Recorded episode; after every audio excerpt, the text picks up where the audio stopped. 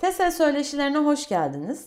TESEV olarak İsveç İstanbul Başkonsolosluğu desteğiyle yürüttüğümüz toplumsal cinsiyet eşitliğine duyarlı kentsel yönetişim için belediye sivil toplum işbirliğinin güçlendirilmesi projesi kapsamında bugün Filiz Kerestecioğlu ile Türkiye'deki kadın hareketinin yerel boyutunu konuşacağız. Filiz Kerestecioğlu HDP İstanbul Milletvekili. Filiz Hanım hoş geldiniz. İlk soruyla başlamak istiyorum. Türkiye'deki kadın hareketi yerelde nasıl mücadele etti? Yani yerel yönetimlerle kadın örgütlerinin işbirliği için kadın hareketi olarak neler yaptınız? Benim en fazla katıldığım süreç 1980'lerin sonlarına doğru başladı. Ve e, o süreçte e, ben hukukçuda olduğum için e, özellikle işte dayağa karşı kampanyanın e, yürütücülerinden biriydim. Ve e, bu dayağa karşı kampanya e, başlarken de e, İstanbul'da Yoğurtçu Parkı'nda bir yürüyüş gerçekleştirdik. Dayağa karşı e, yürüyüş. E, bu yürüyüşten sonra e, esas olarak e, yerel yönetimlerle ilişkimiz başladı. Çünkü e, o yürüyüş aslında 12 Eylül darbesinin sonrasında e, gerçekleşen e, ilk yasal yürüyüştü. Sadece kadın yürüyüşü olması anlamında değil. İlk yasal yürüyüştü ve ilk feminist e, yürüyüştü e, bayağı endişelerimiz vardı hani katılım konusunda. E, çünkü e, bizim için çok önemli olan o özel olan politiktir şiarı aslında kol kırılır yen içinde kalır ve şiddette aslında sarılır sarmalanır ve üstü örtülür diye düşünülen bir şeydi. Ama bunu açık eden bir eylem olması e, çok önemliydi. Arkasından da 90'larda e, Mor Çatı'yı kurduk biz. Mor Çatı Kadın Sığınağı Vakfı'nı kurduk. E, tabii ki kadınların sığınağa ihtiyacı vardı. Yani bunun içinde e, başka ülke deneyimlerini incelediğimiz zaman hatta bununla ilgili kuzey ülkelerinden İsveç mi Norveç mi tam hatırlamıyorum ama oradan küçük bir kitapçık da bastık biz e, oranın deneyimlerini aktaran. Tabii ki devlet desteği ya da yerel yönetimin desteği e, gerçekten büyük oluyordu yurt dışına baktığımız zaman. Ama bizde e, buna vakıf olan kimse yoktu. O zaman mesela SHP Belediyesi vardı ve biz e, gittik görüşmeye e, fakat e, yer istediğimizde mesela bize belediye binasında e, bir oda gibi bir şey tahsis etmeyi önerdiler. Biz işte bunu anlatmaya çalıştık yani bu böyle bir şey değil sığınak dediğiniz şey işte gizli olur kimse tarafından bilinmez e, giren çıkan olmaz e, yani herhangi bir büro gibi olacak bir yer değil o büro ancak bir iletişim bürosu olabilir. Ee, ama bunu anlatırken bayağı zorlandık yani çünkü hakikaten aslında bütün Türkiye'de çok da bilinen bir şey değildi. Ee, ve e, sonrasında e, Şişli Belediyesi, Fatma Girik e, o zaman e, belediye başkanıydı. O e, daha e, iyi bir görüşme yaptık onunla büyük şehirden ziyade. E, biraz da tabii kadın olduğu için de daha çabuk vakıf olabildi bunlara ve bize bir yer tahsis etti. Ve ilk olarak aslında ilk açılan sığınak yani Mor Çatı kuruluşuyla beraber orası oldu Şişli Belediyesi'nde. Ve e, bayağı yankı uyandırdı. E, aslına baktığınızda e, daha sonraları çıkan tabii 2005'ten sonra yanlış hatırlamıyorsam belediyeler kanununa göre e, her işte 50 bin nüfusu olan yerde bir sığınak açılması gerekiyordu. Daha sonra bunu 100 bine çıkardılar 100 bin nüfuslu diye ama ne 50 bin ne 100 bin nüfuslu yerlerde biz bu sığınakları göremedik.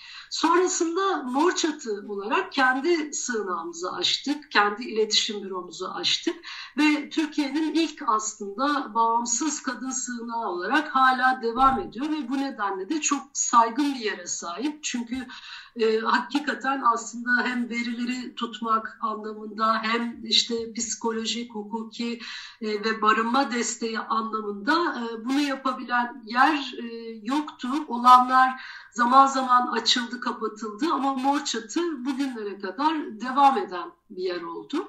E, bu Şişli'deki ise maalesef daha sonrasında e, DYP'li e, Gülay Atı e, belediye başkanı oldu ve e, ben çok daha ilerini yapacağım diyerek orayı kapattı. Ondan sonra da e, tekrar açılmadı onların döneminde e, o sığınak. Kendisi de zaten yolsuzluklarla yurt dışına kaçtı.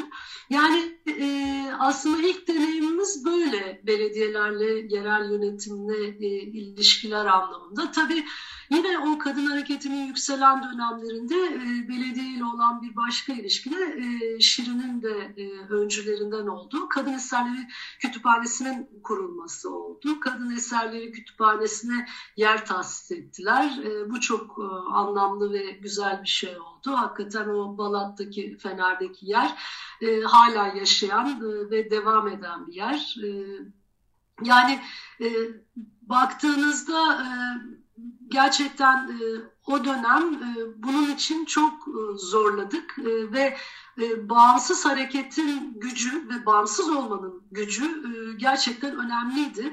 Yasalarda da mesela e, birçok e, işte sosyal hizmetler il müdürlüklerine mesela ilişkilerde eğitimler verilmesinde kadın insan hakları e, Yeni Çözümler Vakfı ile o zaman e, vakıf değildi e, bir girişimdi. Onlarla birlikte mesela yasal okur yazarlık projesi hazırladık. E, ben de editörlerinden biriydim ve bu şiddete karşı eğitici eğitimi yaptık. O eğiticiler de özellikle sosyal hizmetlerde çalışanlar başka yerlerde bunları kadınlara aktardılar. Bunlar önemli ilişkilerdi. E, bu ilişkilerin tabii çok daha yoğun, e, çok daha katılımcı bir şekilde devam etmesi gerekir. E, ben hani bugünküleri e, biraz da işte 6 yıla yaklaşan milletvekilliği münasebetiyle çok yakından takip edemiyorum e, açıkçası. Ama işin bir diğer yanı içinde bulunduğum partinin özellikle yerel yönetime ve yerel katılıma, orada kadınların yerine verdiği önem e, tabii ki bu e, bizim verdiğimiz önem ama e, aynı önemi tersten e, iktidar e, verdiği için daha çok e, kayyumlar atamak ve onları kapatmak şeklinde e, tezahür ediyor. Ama e, özellikle Kürt yurttaşlarımızın yaşadığı coğrafyada e, hakikaten kadın belediye başkanları çok önemli şeyler yaptılar. E, kadın merkezleri, e, başvuru birimleri, e, eğitim merkezleri açtılar. E, çalışan personeli hatta zamanında şunu hatırlarım Gülten Akşanan yaptığını e, işte şiddet uygulayan personelin e, parasını e, alıp evdeki eşe aktarmak gibi yani onun direkt aslında maaşına el koymak ve eşe aktarmak gibi. Bunun dışında hakikaten daha sarmalayıcı ve önemli girişimler oldu orada. Hatta bu ilk işte tutuklamalar ve kayyımlar zamanında Kayapınar Belediyesi'nde Diyarbakır'da beni yeni sığınak açacaklardı. Onun için canlı başla aradıklarını ve o koşullara rağmen bunu yapmaya çalıştıklarını, e, o yeri e, temin ettikten sonra işte onun yasal statüsüne kavuşması için uğraştıklarını hatırlıyorum. E, tabii partimizin tüzüğü buna müsait. Yani ayrı bir karar organımız var, kadın meclisimiz. E, tüzüğün ikinci maddesinde özellikle e, ayrımcılığa karşı e, her türlü önlem alınıyor. Sadece kadınlar değil LGBT artılar içinde bu e, söz konusu ve fermuar sistemi var, e, eş başkanlık sistemi var. E, bunlar gerçekten e, yerel katılımı desteklemek ve kadınların görünürlüğü açısından, varoluşu açısından önemli yapısal düzenlemeler diye düşünüyorum. Filiz Hanım, HDP'nin yerelde toplumsal cinsiyet eşitliği politikasını biraz daha açabilir misiniz? Aslında e, kadınların siyasete katılımı kolay bir şey değil. E, bizim partimiz açısından buna sağlanan kolaylıklar var. Dediğim gibi bu eş başkanlık olsun, e, ya da mesela e, nüfuz ve ekonomi hakikaten önemli kadınların katılımı için ama bizde kadınlardan ücret alınmıyor ve e, bu katılımı bir nebze kolaylaştıran bir şey aday olmak anlamında da. Bunun dışında ne olursa olsun eşit e, katılımı yüzde elliyi e, gerçekten e, bizim düzenlememizde e, dayatmamız e, buna tam anlamıyla her zaman ulaşamasak da en azından bunun bir kural olarak yer alması da önemli bir şey oluyor. E, ama tabii ki birçok e, engel ve eksikler var. Yani en çok çalışan yerellerde kadınlar. Yani bütün partilerin aslında siyasi partilerin ya da belediyelerin ya da kurumların yükünü çekenler kadınlar. Ama geldikleri pozisyonlar aynı derecede etkin pozisyonlar olmayabiliyor. İşte HDP'nin yarattığı bu düzenlemeler e, aslında kadınların etkin katılımını sağlamaya yönelik düzenlemeler olarak anlamlı. Tabii ki burada e, hani e, Gülten Akşanan gene Kürt siyasetinin mor rengi kitabında aktardığı gibi e, Aysel Tuğlu'nun anlatımı mesela Ahmet Türk'le ikisi eş başkan oldukları zaman e, hani ona yenge başkan diye hitap ettiklerini anlatır Aysel Tuğlu. Tabii ki bugün o günlerden e, daha iyi bir yerdeyiz ama hala yüzünü erkeğe dönenler, hala onu başkan olarak tanıyanlar da oluyor. E, ki ben bunu avukatlık hayatımda da çok tanık oldum. E, aynı şekilde işte belediyelerde de, milletvekilliklerinde de, parti başkanlıklarında da e, ya da her üst düzey e, makamda buna tanık olmak mümkün. Ama dediğim gibi e, gerçekten e, Halkların Demokratik Partisi bu anlamda belki dünya çapında da önemli düzenlemelere sahip bir parti.